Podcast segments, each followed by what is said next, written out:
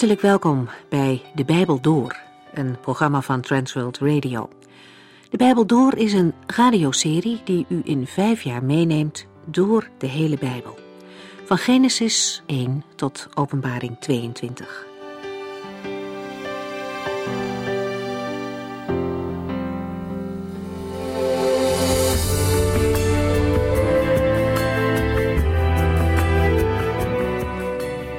In onze reis door de Bijbel zijn we momenteel bezig met het evangelie dat door de arts Lucas is opgeschreven. Hij had met name de Grieken op het oog toen hij het leven van de Heer Jezus beschreef. Kern van zijn evangelie is dat Jezus als de volmaakte mens is gekomen om redding aan de hele wereld te brengen. De vorige keer zijn we begonnen met de verkondiging van Johannes de Doper. Hij riep de mensen op om zich opnieuw tot de levende God te bekeren. Op die manier bereidde hij de mensen voor op de komst van de Messias zelf. Hij prikte door uiterlijkheden heen. Alleen een doop kon mensen niet redden. Ze moesten oprecht berouw hebben en een nieuw leven beginnen. En dat is voor iedereen weggelegd, wat er ook in het leven is misgegaan. Het is wel Gods bedoeling dat de verandering van leven daarna zichtbaar wordt. Zoals men aan de vruchten kan zien wat voor het is, zo moeten mensen van God herkenbaar zijn aan de goede vrucht die ze in hun leven dragen. Bijvoorbeeld in de omgang met armen. Mensen mogen bij God komen zoals ze zijn, maar het is niet de bedoeling om ze zo te laten.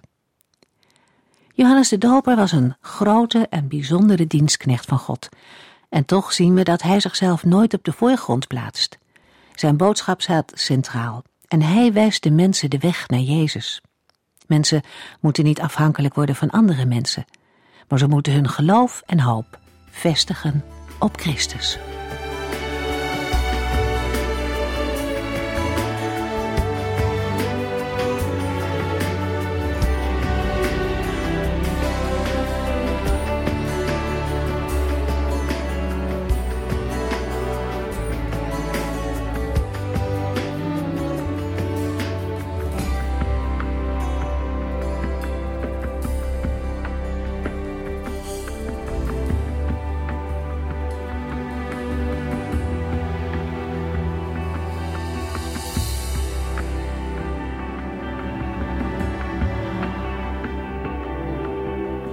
De vorige uitzending is afgesloten met het verslag van de verzoeking in de woestijn.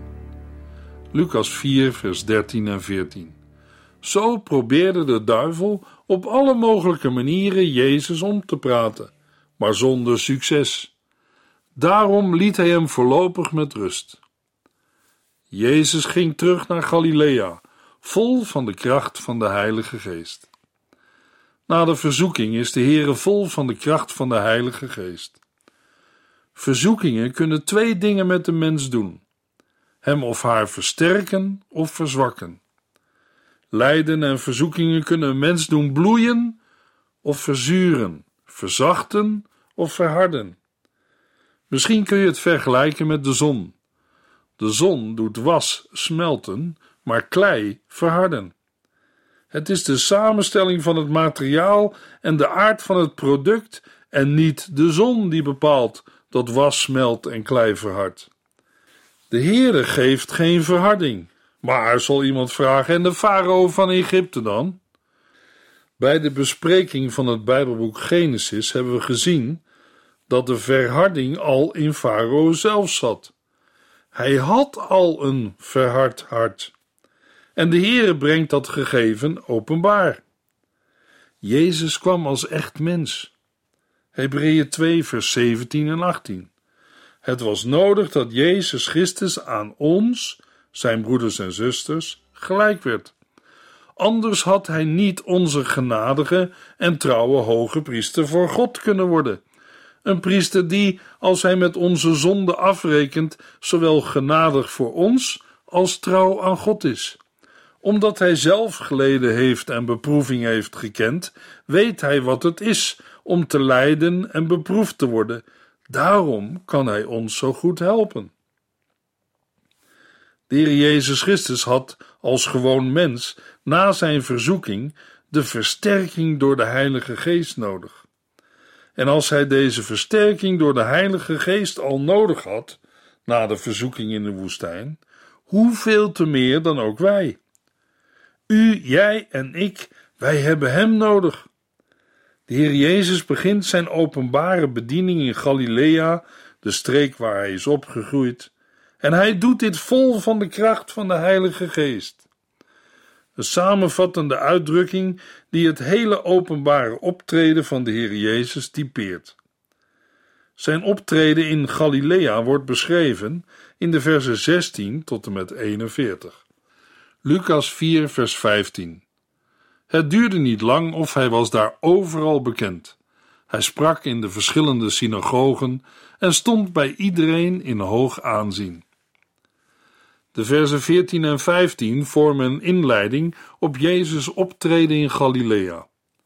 De woorden vol van de kracht van de Heilige Geest wijzen op het gezag van zijn prediking en de macht waarmee het gepaard ging.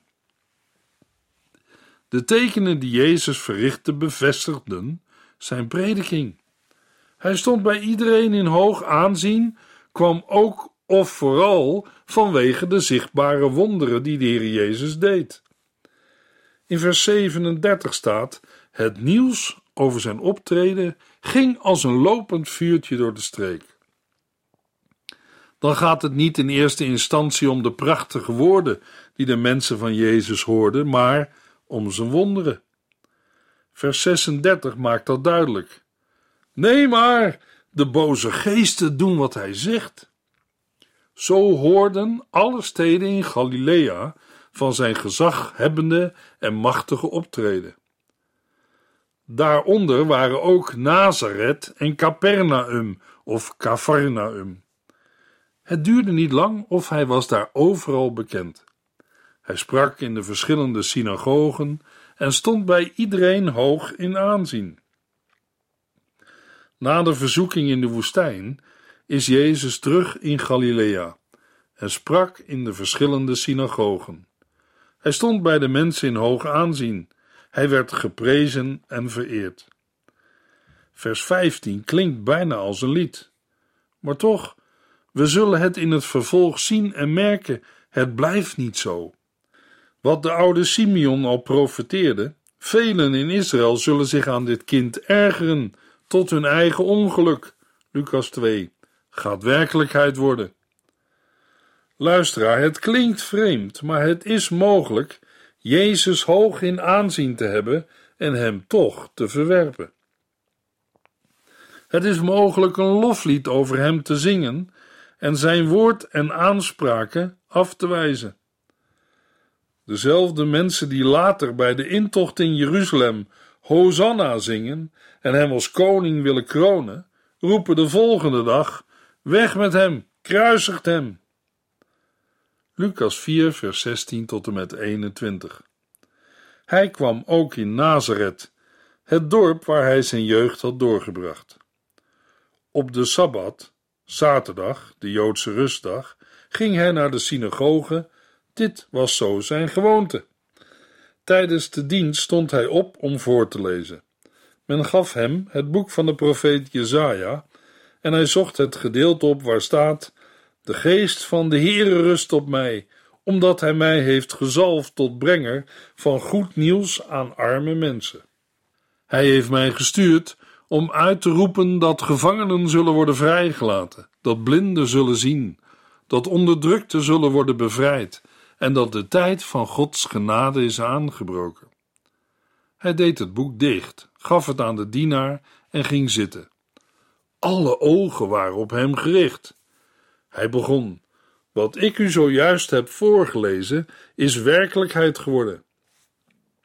Luisteraar, vindt u het geen prachtige gebeurtenis? Deze schitterende geschiedenis vol hoop en licht? Het is rijk van inhoud en mooi om naar te kijken en voor te stellen. Lucas is erdoor geraakt, en ik ook. Hij is ook de enige van de vier op schrift gestelde evangeliën die deze geschiedenis vermeldt. Na de verzoeking in de woestijn keert Jezus terug naar het dorp waar hij zijn jeugd had doorgebracht. Ze zullen in Nazareth wel trots op hem zijn geweest. Een inwoner van hun dorp die beroemd is geworden. Immers, hij stond bij iedereen in hoog aanzien. Zoals zijn gewoonte was, ging Jezus op de sabbat naar de synagoge in Nazareth. Wij zouden zeggen: de Heer Jezus is een trouwe kerkganger. Prachtig. Als de Heer Jezus een dienst rondom het woord van God al nodig vond en er een gewoonte van maakte om naar de synagoge te gaan, hoe is dat dan bij u en jou? Wanneer hebben ze u of jou het laatst in een kerk gezien? Een mens kan de Heer God niet leren kennen door een wandeling in de natuur. Uit zijn werken kunnen we wel ontdekken dat hij er is, maar hem leren kennen is wat anders. Op de sabbat, zaterdag, de Joodse rustdag, ging hij naar de synagoge, dat was zo zijn gewoonte.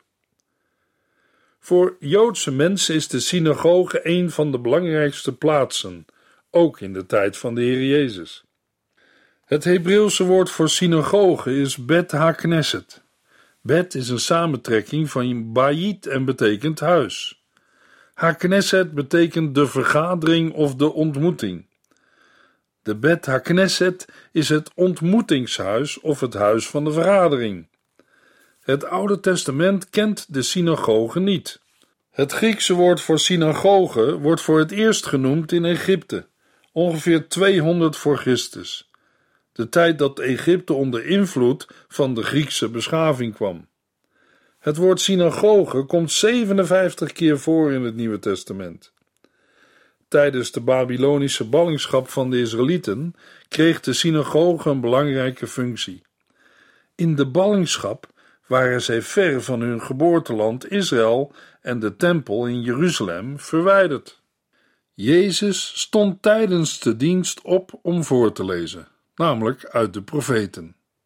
Dit lezen gebeurde staande op een verhoging, de Bima. Jezus kiest een gedeelte uit de profeet Jesaja en leest het voor.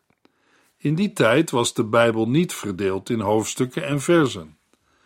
Het gedeelte dat Jezus voorlas vinden we in Jesaja 61 vers 1 en 2. Het is belangrijk om te zien dat Jezus vers 2 niet helemaal voorleest. Hij las niet, maar ook de dag van zijn toorn tegen hun vijanden. Jezus deed het boek dicht, gaf het aan de dienaar en ging zitten. Waarom las de heiland het slot van vers 2 niet? Het antwoord blijkt uit het vervolg. Alle ogen waren op hem gericht.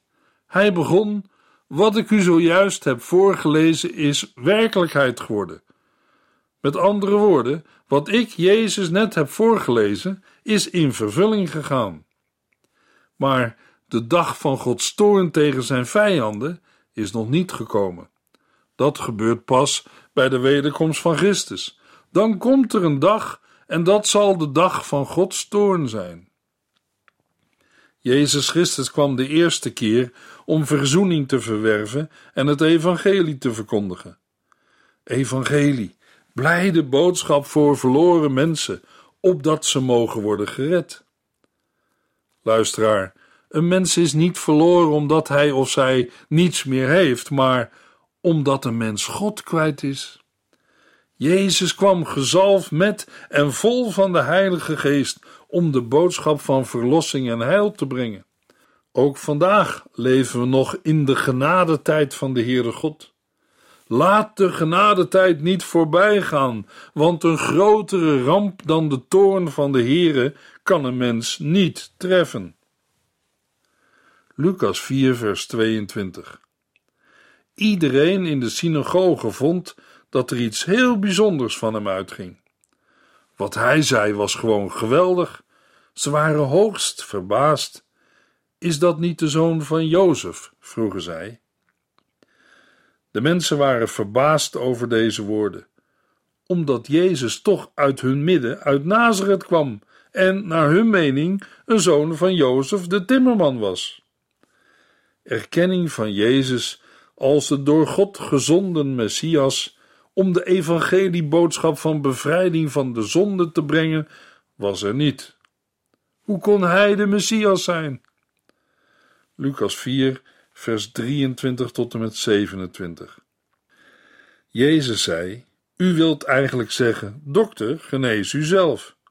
U bedoelt daarmee: We hebben gehoord wat u in Capernaum hebt gedaan. Waarom doet u dat hier niet, in uw vaderstad? Luister goed: een profeet wordt in zijn eigen stad niet geaccepteerd. Neem nu de profeet Elia. In zijn tijd was er hongersnood. Vele Joodse weduwen hadden niets te eten, want er was drieënhalf jaar geen druppel regen gevallen. En toch werd Elia niet naar één van hen gestuurd, maar wel naar een vreemdelinge, een weduwe uit Sarepta bij Sidon. Of denk eens aan de profeet Elisa. Hij genas de Melaatse Naaman, een Syriër. Maar van de vele Joodse Melaatsen, die ook hulp nodig hadden, werd er niet één genezen. Marcus laat in zijn evangelie de aanwezige inwoners van Nazareth veel uitvoeriger aan het woord over hun ongeloof. Lucas laat Jezus zelf de gedachten uitspreken die bij zijn dorpsgenoten zijn opgekomen. Blijkbaar hebben zij wel veel over het werk van Jezus gehoord, maar hem geloven doen ze niet, omdat ze niet beter weten of hij is de timmerman, de zoon van Jozef. Vandaar het spreekwoord: Dokter, genees u zelf. Bewijs eerst maar eens dat u bent wie u zegt dat u bent, door hier in uw vaderstad dezelfde wonderen te verrichten als u in Capernaum zou hebben verricht. Maar het is vanwege het ongeloof in zijn woorden dat Jezus in Nazareth geen tekenen kan verrichten. Lucas tekent de afwijzing van Jezus in Nazareth als een beeld van de afwijzing van Jezus in Israël. Maar het heil gaat wel uit van Israël. De prediking van het evangelie aan alle volken begint in Jeruzalem. Zo laat Lucas de verkondiging van Jezus in Nazareth beginnen. Met de twee voorbeelden uit het Oude Testament probeert Jezus de toehoorders in Nazareth te laten zien dat zij, zijn eigen volk, een grote zegen mislopen, omdat ze hem niet wilden aannemen als de Messias. Jullie zijn te vergelijken met de Melaatsen in Israël die in de tijd van Elia niet werden genezen. Lucas 4, vers 28 tot en met 30. Dat was de mensen te veel. Woedend sprongen ze op en joegen Jezus het dorp uit. Ze brachten hem naar de rand van een afgrond, even buiten het dorp. Daar wilden zij hem vanaf duwen. Maar hij keerde zich om, liep ongehinderd tussen hen door en ging zijn eigen weg. De bezoekers zijn woedend. Ze drijven Jezus de stad uit naar de rand van een afgrond om hem vandaar naar beneden te duwen. De beschrijving van het gebeuren wekt de indruk dat het om een ordinaire wraakactie tegen Jezus gaat. Elke vorm van een rechtsprocedure ontbreekt. Hoewel de evangelisten Matthäus en Marcus zulke pogingen van het volk om Jezus te grijpen en om het leven te brengen niet vermelden, kennen we dergelijke voorvallen wel uit het evangelie naar Johannes. Johannes 7, 8 en 10. In het Johannesevangelie wordt het mislukken van de acties gemotiveerd met de woorden: Zijn tijd was nog niet aangebroken. Johannes 7, vers 30. Daarmee zien we dat deze gebeurtenissen al vooruitwijzen naar de kruisiging van Jezus. Maar hij keerde zich om, liep ongehinderd tussen hen door en ging zijn eigen weg. Gezien de situatie is dat een wonder. Lucas 4, vers 31. Hij kwam in Cafarnaum of Capernaum, een stadje aan het meer van Galilea. Daar ging hij elke sabbat naar de synagoge en sprak er de mensen toe. Na zijn vertrek uit Nazareth ging Jezus opnieuw naar het veel lager gelegen Capernaum. Net als Nazareth is het een stad in Galilea. Jezus sprak er de mensen toe. Daarin zien we dat zijn taak in de eerste plaats woordverkondiging en prediking van de blijde boodschap was. Meer dan eens ging zijn woordverkondiging gepaard met machtige tekenen die de inhoud van zijn boodschap bevestigden. Jezus sprak regelmatig op sabbat in de synagoge van Capernaum en leerde het volk. Zowel Matthäus als Marcus vermelden het feit dat de Heer Jezus zijn hoofdkwartier van Nazareth naar Capernaum verplaatste aan het meer van Galilea. Hij deed dit omdat de mensen van zijn eigen dorp hem niet wilden ontvangen. In Lucas 10, vers 15 zegt Jezus over Capernaum: En wat moet ik van Capernaum zeggen? Zal het worden verheerlijkt tot in de hemel? Nee, het zal verzinken in het dodenrijk. Waarom? Vergeet nooit hoe dicht het koninkrijk van God dicht bij jullie is geweest. Lucas 10, vers 11. Omdat daar het hoofdkwartier van de Heer Jezus is geweest. Dicht bij het vuur zitten schept verantwoordelijkheid. Lucas 4, vers 32. Ze waren verbaasd over wat hij hun leerde, want hij sprak als iemand met gezag, die wist waarover hij het had. Het onderwijs van Jezus roept allerlei reactie op. De mensen zijn buiten zichzelf van verwondering. De reden van de verbazing ligt in het gezag waarmee Jezus sprak. De evangelisten Matthäus en Marcus voegen hieraan toe dat juist dit leren met gezag stond tegenover het leren van de schriftgeleerden. Jezus kwam met een direct woord van zijn zender tot de mensen. Net als de profeten van het Oude Testament leidde hij zijn boodschap in met de woorden: Zo zegt de Heer. De boodschap van de Heer Jezus vraagt om een geloofskeuze. Wie niet voor mij is, is tegen mij. Het gezag waarmee Jezus spreekt en handelt is direct afkomstig van de Heer. Zijn Vader in de hemel heeft hem, in de zalving met de Heilige Geest, deze volmacht gegeven. Lucas 4, vers 33 tot en met 37. Op een dag was Jezus weer in de synagoge. Een man die in de macht van een boze geest was, schreeuwde: Jezus van Nazareth, ga weg! Ik wil niets met u te maken hebben. U bent gekomen om ons te vernietigen. Ik weet wel wie u bent, de heilige zoon van God. Jezus snoerde hem de mond. Zwijg, zei hij tegen de boze geest. Kom eruit!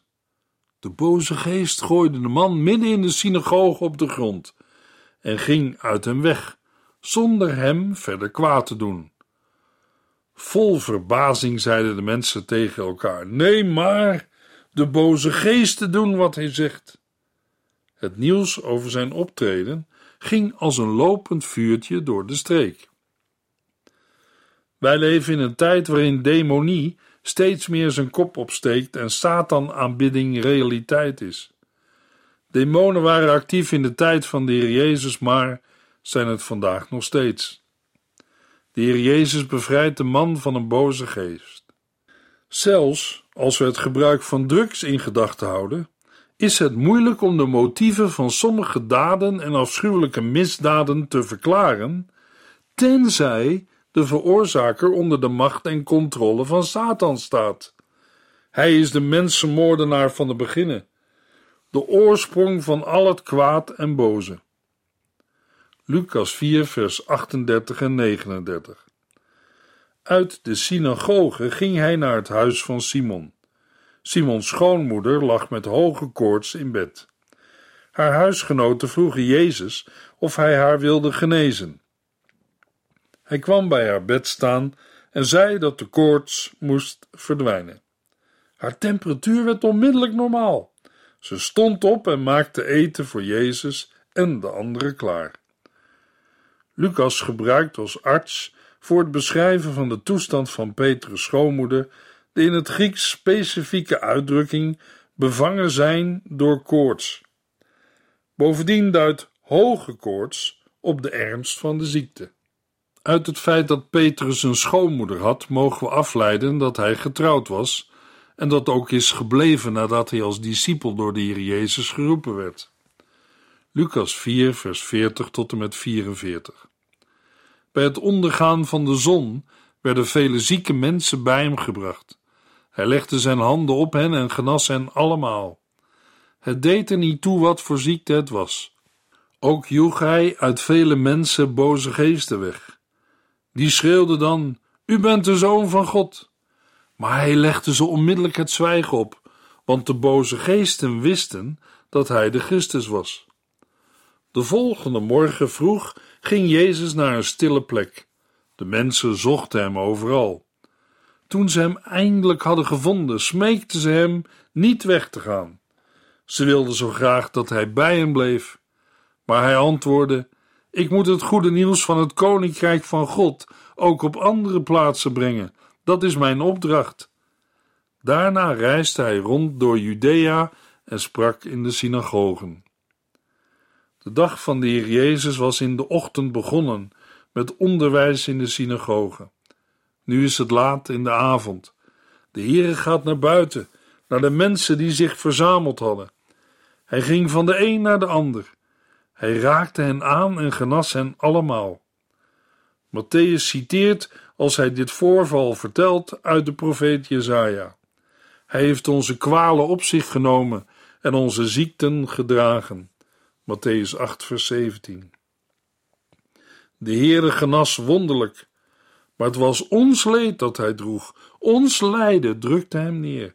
Wij dachten dat zijn lijden een straf van God was voor zijn eigen zonde. Jesaja 53, vers 4. De Heere droeg de ziekten en kwalen van de mensen, ondanks het feit dat het volk Israël in die tijd hem verwierp. Ze zagen hem als een door God geslagene en vernederde, maar de Heere was over hen met ontferming bewogen. Hij ging door met de verkondiging van het evangelie. Laten ook wij met dezelfde bewogenheid om ons heen kijken. U moet elkaars moeilijkheden en problemen dragen. Dan voldoet u aan de wet van Christus. Galaten 6, vers 2. In de volgende uitzending lezen we Lucas 5, vers 1 tot en met 39.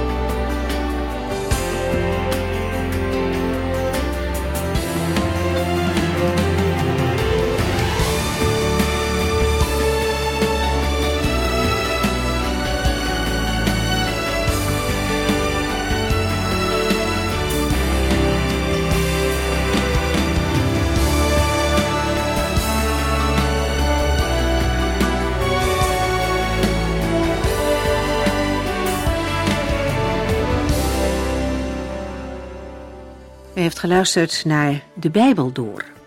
In het Nederlands vertaald en bewerkt door Transworld Radio. Een programma waarin we in vijf jaar tijd de hele Bijbel doorgaan. Als u wilt reageren op deze uitzending of u heeft vragen, dan kunt u contact met ons opnemen. Tijdens kantooruren kunt u bellen op 0342 47 8432. 0342 47 8432. 32. Ook kunt u een e-mail sturen naar de Bijbel door transworldradio.nl en natuurlijk kunt u ook via de post ons bereiken. TWR, postbus 371, postcode 3770, AJ in Barneveld. Dit programma werd gepresenteerd door Cor Weda en Ike André. Techniek was in handen van Odin van Woerdekom. En wij allemaal bedanken u voor het luisteren. Graag tot de volgende keer.